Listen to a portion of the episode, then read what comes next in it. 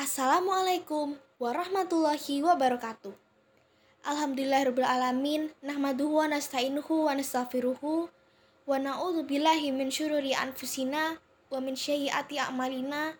May yahdihillahu fala mudhillalah wa may yudhlilhu fala hadiyalah.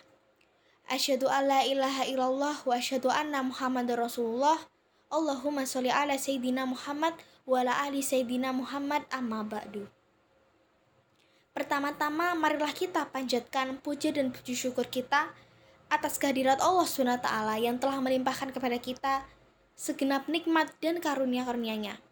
Kemudian tak lupa sholawat serta salam selalu kita curahkan kepada baginda Nabi kita, Nabi besar Muhammad Shallallahu Alaihi Wasallam yang telah membimbing kita dari zaman kegelapan menuju ke zaman cahaya Islam yang alhamdulillah dapat kita rasakan sampai saat ini.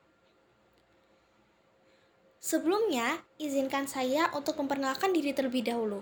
Perkenalkan, nama saya Naswa Lalita Fidausa, bisa dipanggil Tata dari kelas 11 Alhamdulillah, tahun ini kita masih dapat bertemu dengan bulan Ramadan yang penuh berkah ini. Sebelum saya menyampaikan sedikit ilmu kepada teman-teman semua, saya ingin mengajak teman-teman untuk selalu berbuat kebaikan di bulan Ramadan yang penuh berkah ini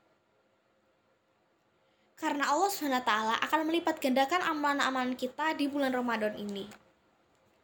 Selain mengajak teman-teman semua untuk berbuat kebaikan di bulan penuh berkah ini, saya di sini juga akan membahas dan berbagi ilmu kepada teman-teman sekalian tentang perkara-perkara apa saja yang harus ditinggalkan saat berpuasa. Di mana inilah yang menjadi inti dari kajian yang akan saya bahas kali ini. Nah, kira-kira apa saja sih hal-hal dan perkara-perkara yang ternyata dapat membatalkan puasa di bulan Ramadan kali ini? Yang pertama tentunya adalah masuknya sesuatu ke dalam mulut.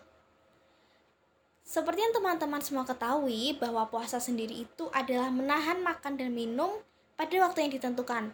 Jadi apabila seseorang memasukkan sesuatu ke dalam mulutnya dengan sengaja, contohnya seperti makan dan minum, maka pastinya akan membatalkan puasa. Kemudian yang kedua adalah berhubungan badan. Seorang muslim dilarang berhubungan badan intim di siang bolong saat berpuasa, meskipun mereka sudah sama-sama sah dan bersuami istri. Kemudian yang ketiga adalah muntah. Barang siapa yang sengaja muntah dengan cara memasukkan sesuatu ke dalam mulut atau apa pun itu, maka puasanya akan batal. Tapi jika tidak sengaja, contohnya seperti ketika sakit, maka tidak membatalkan puasa. Kemudian yang keempat adalah keluarnya air mani. Yang membuat batal ini adalah yang dilakukan dengan sengaja, contohnya seperti saat berhubungan badan. Tapi, bila keluar air mani karena mimpi, dengan tidak sengaja, maka tidak membatalkan puasa. Yang kelima adalah haid atau nifas. Bagi perempuan yang mengalami haid saat berpuasa, maka secara otomatis puasanya akan batal dan wajib menggantinya di hari lain saat bulan Ramadan sudah selesai. Begitu juga berlaku bagi perempuan yang mengeluarkan darah akibat proses melahirkan. Yang keenam adalah gila. Puasa hanya diwajibkan kepada orang-orang yang berakal sehat, yang memiliki akal dengan penuh kesadaran. Bila seseorang hilang kesadaran atau mendadak gila, maka puasanya pasti batal. Kemudian yang terakhir adalah murtad. Nah, seperti yang teman-teman ketahui semua, syarat utama dalam menjalankan puasa Ramadan adalah beragama Islam, yaitu percaya bahwa perintah puasa berasal dari Allah SWT. Apabila seseorang tidak lagi percaya kepada Allah dan perintah-perintahnya, maka secara otomatis pasti puasanya akan batal. Nah, itulah hal-hal yang harus teman-teman semua tinggalkan saat berpuasa karena dapat membatalkan puasa di bulan Ramadan kali ini. Semoga kita semua selalu diberikan kesehatan dan keselamatan agar melaksanakan ibadah puasa di bulan Ramadan ini sampai selesai.